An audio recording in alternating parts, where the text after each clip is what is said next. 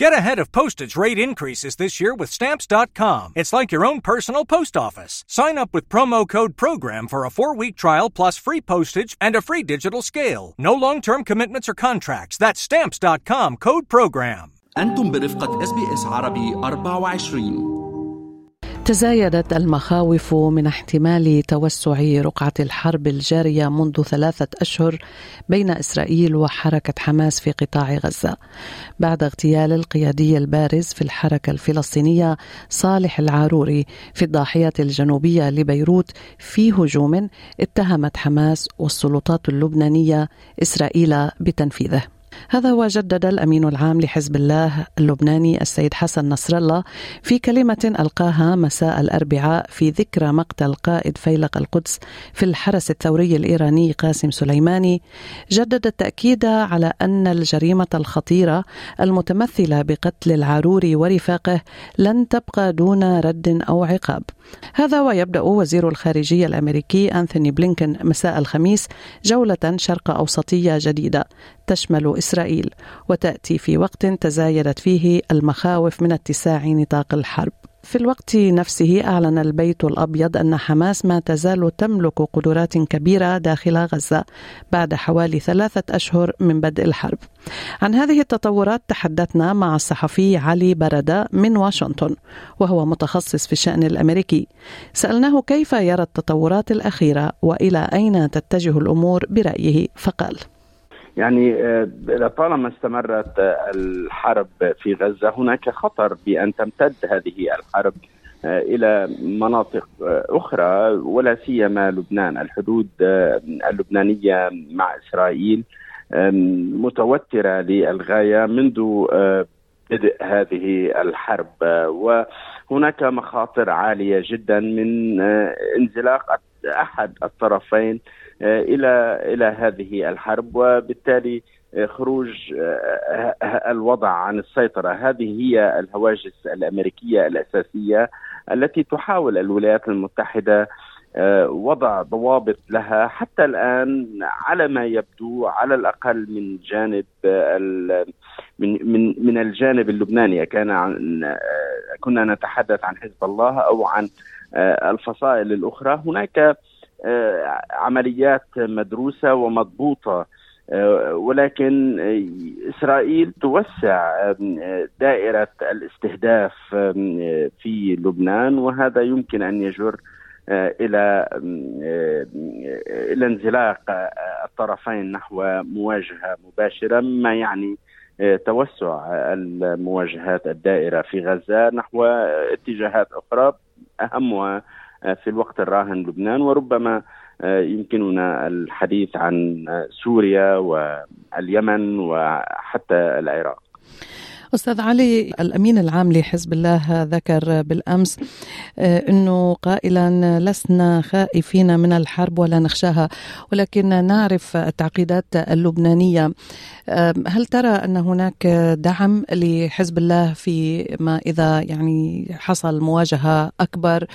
علما بأنه وزير الخارجية اللبناني بالأمس كان يقول عن نقلا عن رئيس الوزراء يعني ميقاتي أنه لا يريد من حزب الله الدخول في هذه الحرب فهل القاعدة الشعبية أو المجتمع اللبناني يعني سيعطي غطاء لحزب الله برأيك؟ يعني أعتقد أن اللبنانيين لا يريدون خوض حرب شاملة ضد إسرائيل ولكن هذه الحرب يمكن أن تفرض على الجانب اللبناني وهنا حزب الله ليس هو فقط الطرف المعني بهذه الحرب في حال حصلت. كل اللبنانيين بكل اتجاهاتهم سيكونون معنيين في هذه المخاطر. ولذلك هناك محاولات لتجنب هذه الحرب ولكن حزب الله واضح أنه على أهبة الاستعداد لمواجهة أي تطورات خطيرة يمكن أن تحصل. هذا الأمر ليس جديدا على حزب الله وعلى الكثير من الفصائل الموجودة على الأراضي اللبنانية. فرض المواجهة ربما يأتي من الجانب الإسرائيلي الذي يهدد ويتوعد بصورة دائمة الجانب اللبناني وهناك حتى الآن كما قلت هناك تصعيد ولكن هذا التصعيد مضبوط من الجانبين إلى حد كبير. الاستهداف الذي حصل خلال الساعات القليلة الماضية في الضاحية الجنوبية لبيروت ربما يشكل آه، اختراقا كبيرا من الجانب الإسرائيلي بقواعد الاشتباك الموجودة منذ عام 2006 وربما آه، يؤدي آه، هذا التصعيد إلى عواقب قد قد تخرج عن السيطرة من قبل الطرفين لأن هناك شهية عند البعض لزياده التوتير وربما لفتح آه، المواجهة على مصراعيها يبدأ وزير الخارجية الأمريكي أنتوني بلينكن مساء الخميس جولة, جولة شرق أوسطية جديدة تشمل إسرائيل وتأتي طبعا في ظل هذه التوترات وفي وقت تتزايد فيه المخاوف كما تذكر حضرتك من اتساع نطاق الحرب الدائرة منذ ثلاثة أشهر. فما برأيك يعني هدف هذه الزيارة؟ هل تعمل واشنطن بشكل جدي على تخفيف التوتر على وضع حد يعني لعدم انزلاق الأمور إلى أسوأ من من ما نراه؟ يعني حتى الآن الولايات المتحدة وإدارة الرئيس جو بايدن تقدم دعما غير محدود لإسرائيل ولكن هناك أيضا عناوين عامة أمريكية قد لا تتوافق مع المخططات مخططات حكومة رئيس الوزراء الإسرائيلي بنيامين نتنياهو الولايات المتحدة وخصوصا وزير الخارجية أنتوني بلينكين وضع في طوكيو قبل نحو شهرين ما سمي بمبادئ طوكيو التي أعلن فيها أن الولايات المتحدة ترفض تهجير سكان غزة أو تصغير حجم قطاع غزة أو إعادة احتلال إسرائيل بقطاع غزة ولكنها في الوقت ذاته تعمل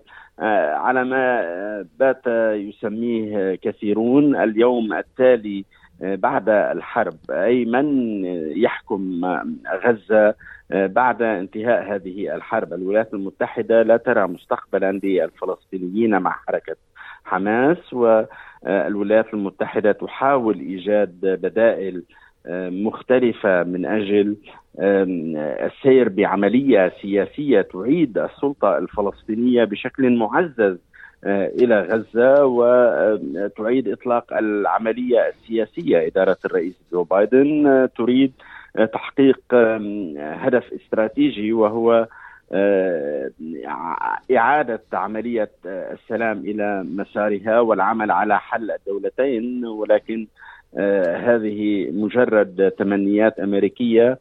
آه، لا تبدو آه، واقعية على الأقل في في الوقت الراهن. وطبعا الولايات المتحدة تسعى إلى دور عربي في غزة وتسعى إلى إبقاء عملية التطبيع بين إسرائيل والدول العربية على المسار الذي كانت تشتهيه ولكن أكرر هذا هذه الأمور لا تسير دائما وفق الرغبات الأمريكية لا من الجانب العربي ولا من الجانب الإسرائيلي وطبيعا وطبيعة الحال أن الوضع على الأرض غير مساعد للأمريكيين على الإطلاق.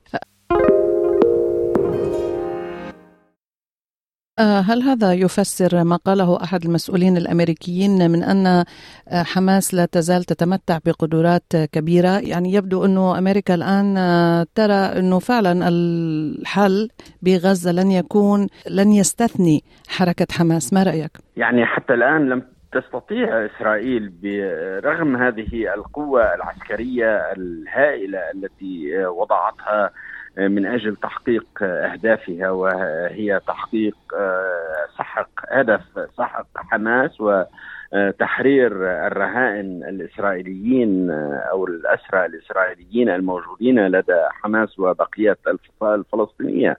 هذه الأهداف لم تتحقق حتى الآن من جانب إسرائيل آه، كما قلت على رغم استخدامها كل هذه القوة العسكرية وعلى رغم الدعم الأمريكي غير المشروط لإسرائيل لم تتحقق أهدافها. فهل تنتقل المواقف الأمريكية إلى مرحلة جديدة تقبل فيه الولايات المتحدة بمشاركة حماس بشكل ما؟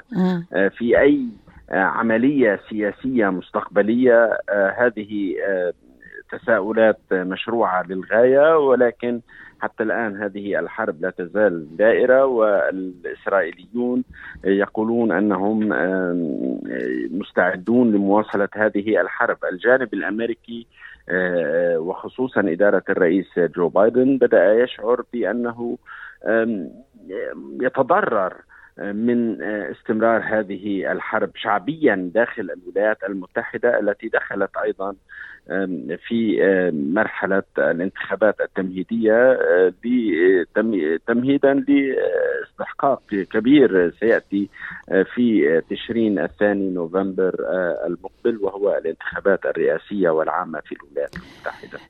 عن هذه النقطة أستاذ علي هل هناك استطلاعات للرأي تشير إلى الرأي العام الأمريكي وموقفه مما يجري في غزة لأننا نشاهد اعتصامات ومظاهرات مستنكرة لاستمرار الحرب ولكن ماذا تقول استطلاعات الرأي؟ يعني في الاتجاهات العامة الشعب الأمريكي عموما أقول عموما مؤيد لإسرائيل ولكن هناك تذمر شديد من استمرار هذه الحرب و من رؤية هذا العدد الهائل من الضحايا الذين يسقطون بين المدنيين الفلسطينيين.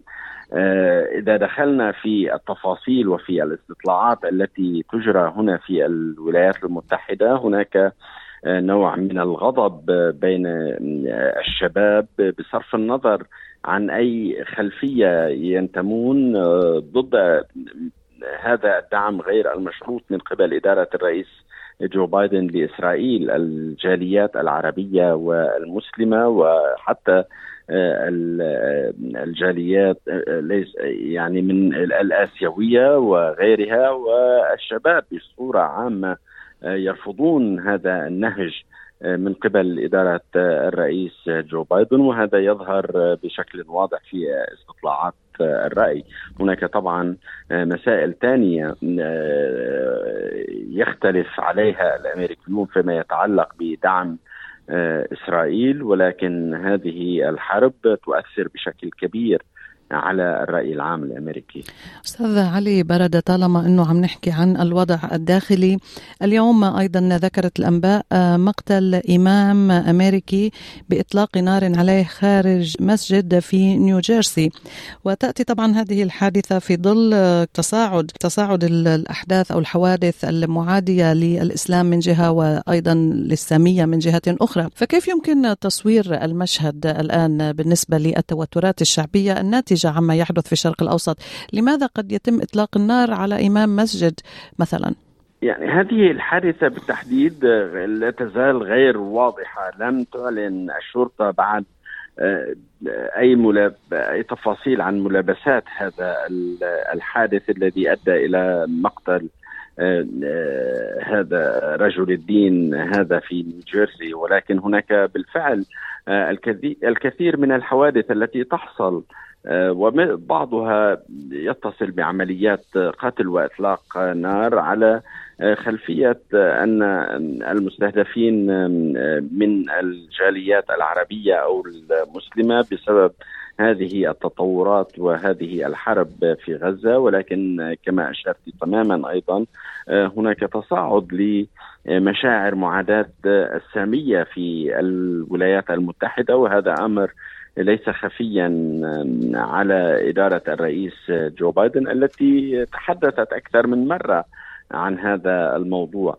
آه، الآن هناك محاولات لمعالجة هذه الحوادث التي لا تزال آه، محدودة ولكنها واضحة بشكل كبير في كل الأوساط الأمريكية. وهناك قلق لدى السلطات الأمريكية من آه، مخاطر آه، تصاعد هذه التوترات المبنية على خلفية دينية أو أو عقائدية.